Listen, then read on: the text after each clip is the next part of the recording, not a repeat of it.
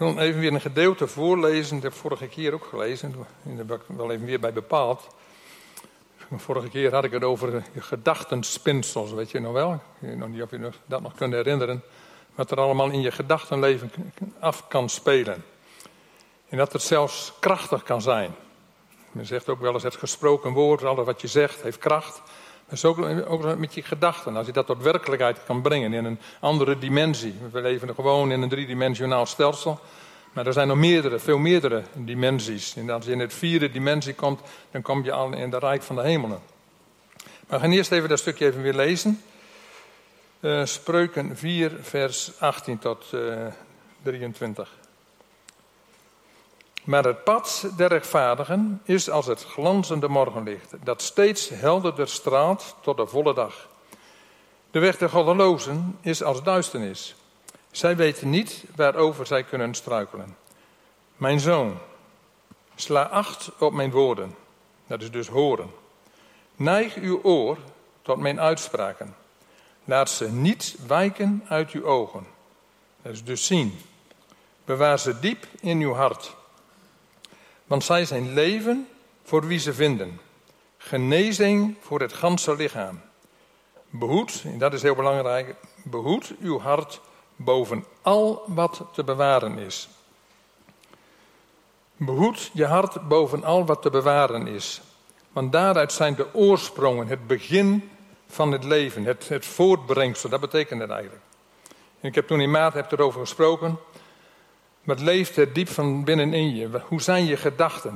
Ik ben begonnen met Genesis 8, vers 21. Dat was na de zonvloed, sprak God, want dat was voor de zonvloed, is het ermee begonnen. En met als resultaat de zonvloed dus.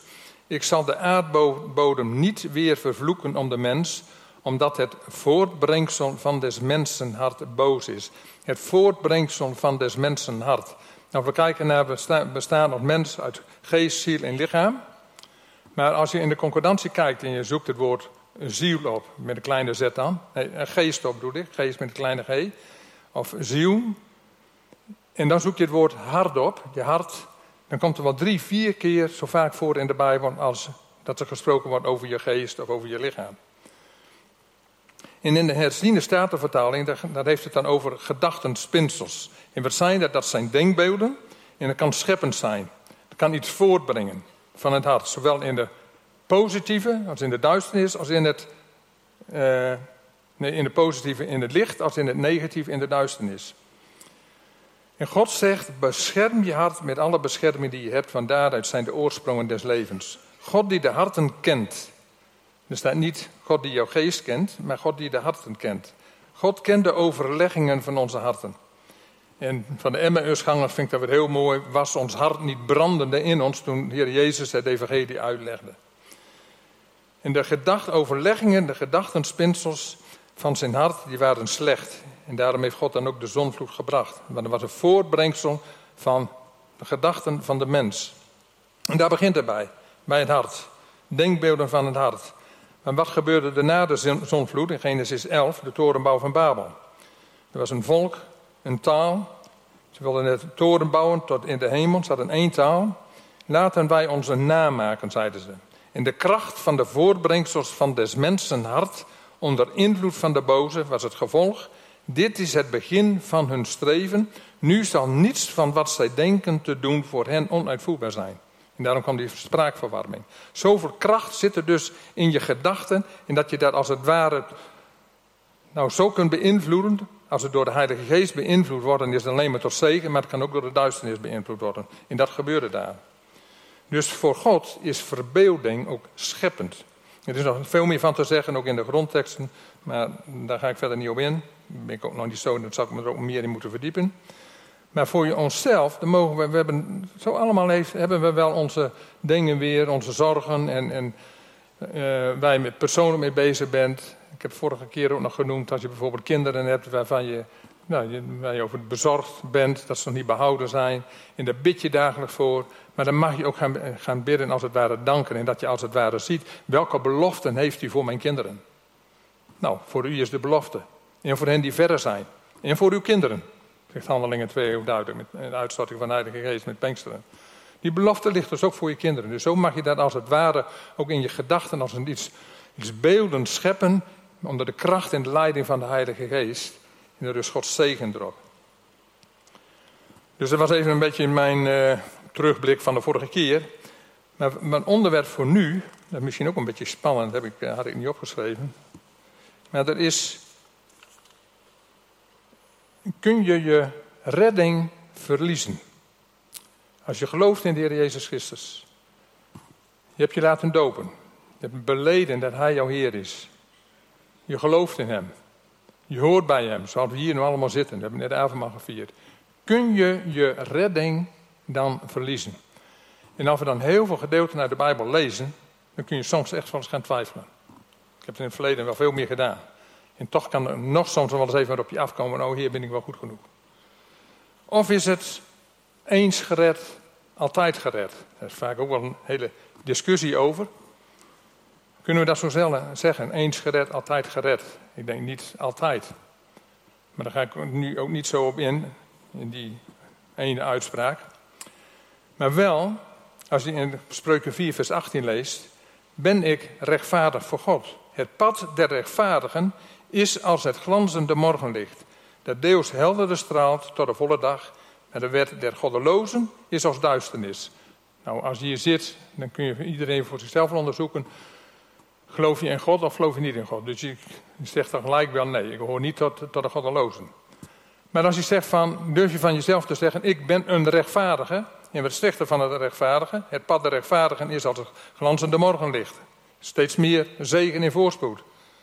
Durf je dat zo te zeggen? Ik ben een, wat ik zo straks heb uitgesproken. Dus dan kun je zeggen, God ziet jou wel zo als je echt een kind van God bent. Maar durf je dat zo van jezelf te zeggen, dan oordeel je heel vaak nog zelf over jezelf. En ik wil gewoon even een paar voorbeelden aanhalen uit de Bijbel, waarvan je misschien heel gemakkelijk aan het twijfelen gebracht kan worden. En dan wil ik ook gelijk het woord van God, het positieve, wat Heer Jezus en God zelf, de Heilige Geest erover zegt. Galaten 5 vers 19. Als goed is, komt dit erop. Nou, er staat dan, het is duidelijk wat de werken van het vlees zijn. Afgoderij, toverij, hoererij, daar begon het mee. Losbandigheid, onreinheid, dronkenschap. Nou, denk je dan van, nou, er zijn wel bepaalde dingen van, nou, daar heb ik me niet in begeven. Dat, uh, nee, daar ben ik los van. Dronkenschap, sommige, nou, ik kan van mezelf zeggen, dat lukt me heel aardig, want ik, ik, lust eigenlijk geen alcohol, dus dat, uh, daar heb ik geen last van. Toverij, ook niet. Losbandig, nee, ik leid een keurig leven. Afgoderij, nee, ik dien alleen de Heer Jezus. Onreinheid, hoerij, nee, ik wil me ook niet in begeven. Maar dan, komt er verder. Ruzies, veten, twist, afgunst. Nou, die eerste dingen, die komen al vaak in de gemeente voor. In iedere gemeente wel. Je weet zelf waar wij zitten nu. En dat we ook wel eens even wat, nou, kwestie hebben van, hé, hey, waar gaan we heen?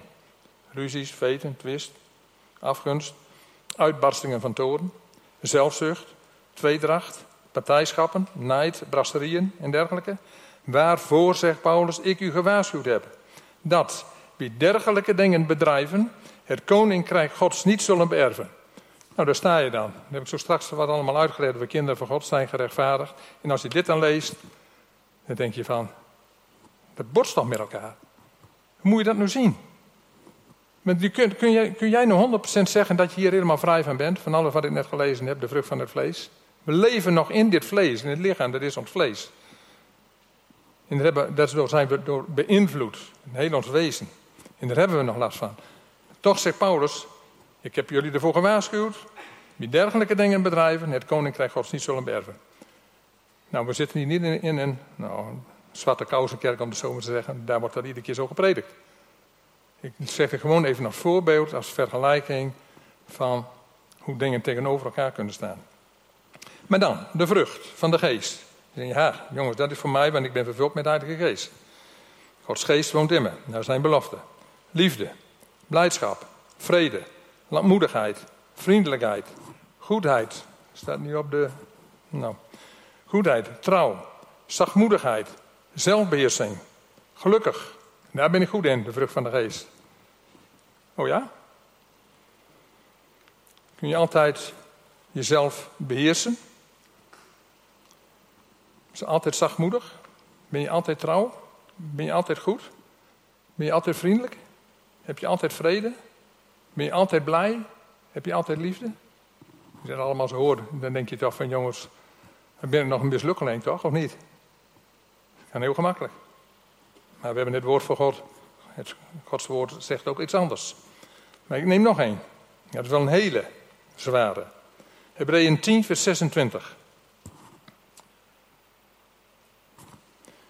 Indien wij opzettelijk zondigen, nadat wij tot erkentenis der waarheid gekomen zijn, blijft er geen offer voor de zonden meer over, maar een vreselijk uitzicht op het oordeel en de felheid van een vuur dat de weerspannigen zal verteren. In de zeg vers 31 zegt dan ook nog, vreselijk is het te vallen in de handen van de levende God. Zijn zo zijn er nog meer voorbeelden. Als je daaraan denkt, als je dat alleen deze teksten, deze gedeelten, en dit is Gods woord, als je dat alleen maar tot je neemt en het andere vergeet, dan ga je gebukt onder een hele zware last. En er is het ook toch wel te begrijpen dat we dan soms ook wel eens gaan twijfelen aan onszelf. Oh Heer, ben ik wel goed genoeg?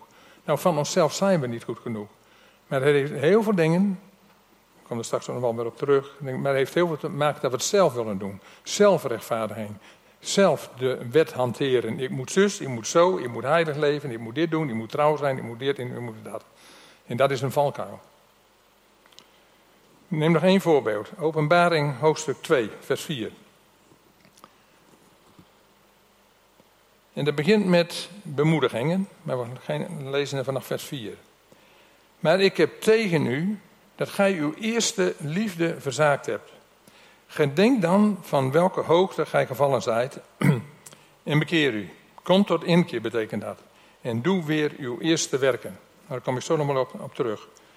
Maar ik wil nu toch even de andere kant op gaan. Want luister nu ook wat God ook persoonlijk tot jou vanmorgen wil zeggen. En dan begin ik hiermee.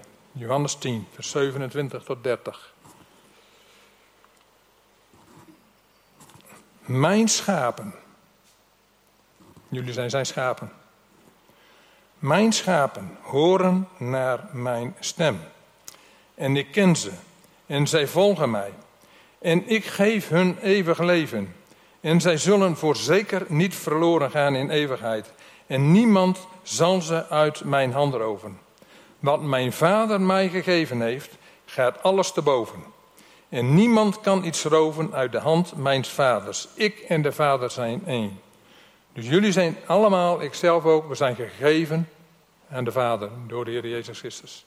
Geloof dit evangelie en neem dat tot je, tot, tot je de gedachten. En groei daarin. Groei in de intimiteit met de Heer Jezus. Want dit is de waarheid. En dat andere, dat hoeft niet de waarheid voor jou te zijn.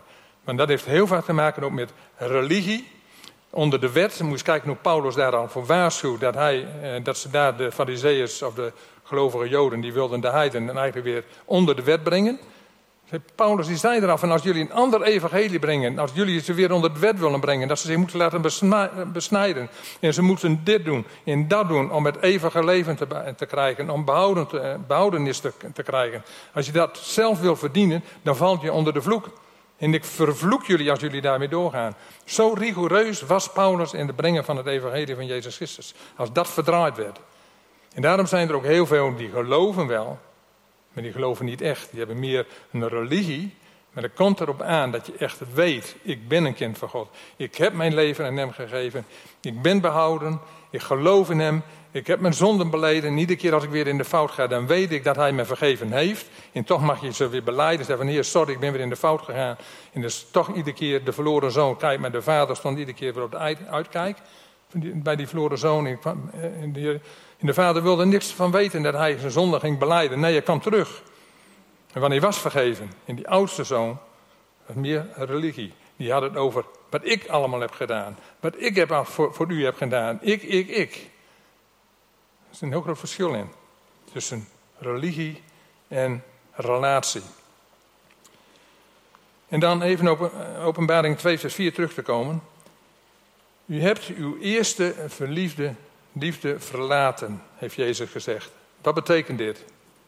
Eerste liefde, we denken altijd van dat toen we tot de Heer Jezus gekomen zijn, mijn liefde voor Hem, dat ik die verlaten heb. Ik geloof dat dat niet zo is. Soms heb ik ook wel eens gezegd, dat kun je ook anders bekijken. De eerste liefde van God of de eerste liefde van jou. Wordt vaak gezegd, jouw liefde voor God, dat je dat verzaakt hebt. Maar ik geloof dat het andersom is. Dat we heel vaak vergeten Gods eerste liefde voor jou. Dat heb ik tegen jullie. Dat je je eerste liefde, mijn liefde voor jou, dat je dat hebt verzaakt. Want wij zijn nooit de eerste liefde. wij zijn nooit ook de eerste. Eerste liefde in het Grieks, dat is protos agape. Agape, weten we wat dat betekent? Dat is volmaakte liefde. In protos, daar is het woord eh, prototype weer van afgeleid. Dat betekent altijd de eerste in zijn soort. Protos agape. Wie hield als eerste van jou? God de Vader. En jij niet als eerste jouw liefde naar God toe. De eerste liefde is de liefde van God. De liefde van de Heer Jezus Christus voor jou. En daarom hebben wij weer lief. Omdat Hij zijn liefde weer in ons heeft uitgestort. En we kunnen Jezus niet behagen als je het doet vanuit moeten. Ik moet hem lief hebben. Ik moet dit. Ik moet zus. Ja, ik heb de Heer Jezus lief. En ik moet erin volharden. Ik moet het anderen ook laten zien dat ik de Heer Jezus lief heb. Dat ik van hem hou. Lieve mensen, wees alsjeblieft jezelf. En probeer het niet. Maar ga groeien in intimiteit met hem. We willen hem lief hebben vanuit onze hoop op onze Heer Jezus Christus. Daarom is het altijd belangrijk, ook in iedere gemeente, ook hier, dat altijd weer de Heer Jezus Christus gepredikt wordt. En daarom zijn we bijeen. In zijn naam zijn wij hier en zijn we kinderen van Allerhoogste.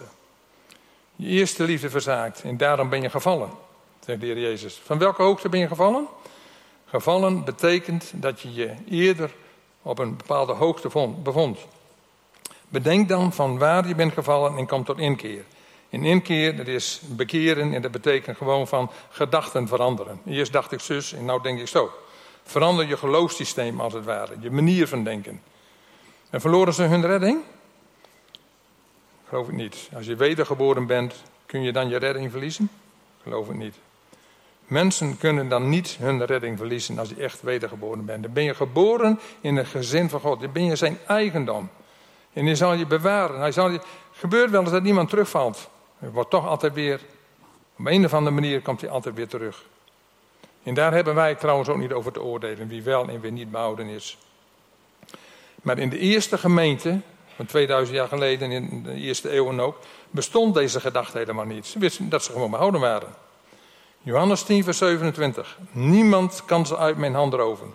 Door het aannemen van Jezus als jouw heiland en verlosser behoor je hem toe en ben je voor God gerechtvaardigd in Christus door zijn vergoten bloed op Golgotha. Ben je zijn schaap? Geloof je dat hij voor jouw zonden is gestorven aan de kruis? En dat hij is opgestaan uit de dood om een goede herder te zijn, om over jou te waken en om van je te houden? Ja, dan ben je zijn schaap en hoor je bij zijn kudde. En wat zegt hij over zijn schapen? Zij volgen mij. Ik ken ze, ze volgen mijn stem en ik geef hun eeuwig leven. Dat is niet het eeuwig leven in dit lichaam. We worden op een gegeven ogenblik worden veranderd. Een nieuw lichaam krijgen we dan. En zij zullen voorzeker niet verloren gaan in eeuwigheid. En voorzeker, dat betekent beslist niet. Het is niet gewoon nee, maar een absoluut nooit zullen zij verloren gaan. Nooit of te nimmer. En dat zeg ik niet, dat zegt de Heer Jezus zelf. Wie eenmaal is wedergeboren, zal beslist nooit verloren gaan. Zij zullen nooit verloren gaan en niemand zal ze uit mijn hand drukken. Ik zeg het nog een keer weer. Maar zeg je, Jezus zei ook, niet ieder die mij Heer noemt, gaat binnen in het koninkrijk der hemelen. Maar dan, maar wie doet de wil mijns vaders. En wat is de wil van mijn vader? Jezus heeft het hier dan over mensen die hem Heer noemen, maar die niet gered zijn. De wil van de Vader is, dat is niet iets vaags, dat is ieder die de Zoon aanschouwt en in hem gelooft, heeft eeuwig leven, staat in Johannes 6, vers 40. Ieder die de Zoon aanschouwt en in hem gelooft, heeft eeuwig leven. Wat is de wil van de Vader? Heel eenvoudig, geloven in zijn Zoon, Jezus Christus. En dit is het evangelie mensen, dat is de blijde boodschap. Gods liefde, uitgestort in onze harten. Ik kom aan de slot, dus ik ga geen uur door, dat weet me niet belang.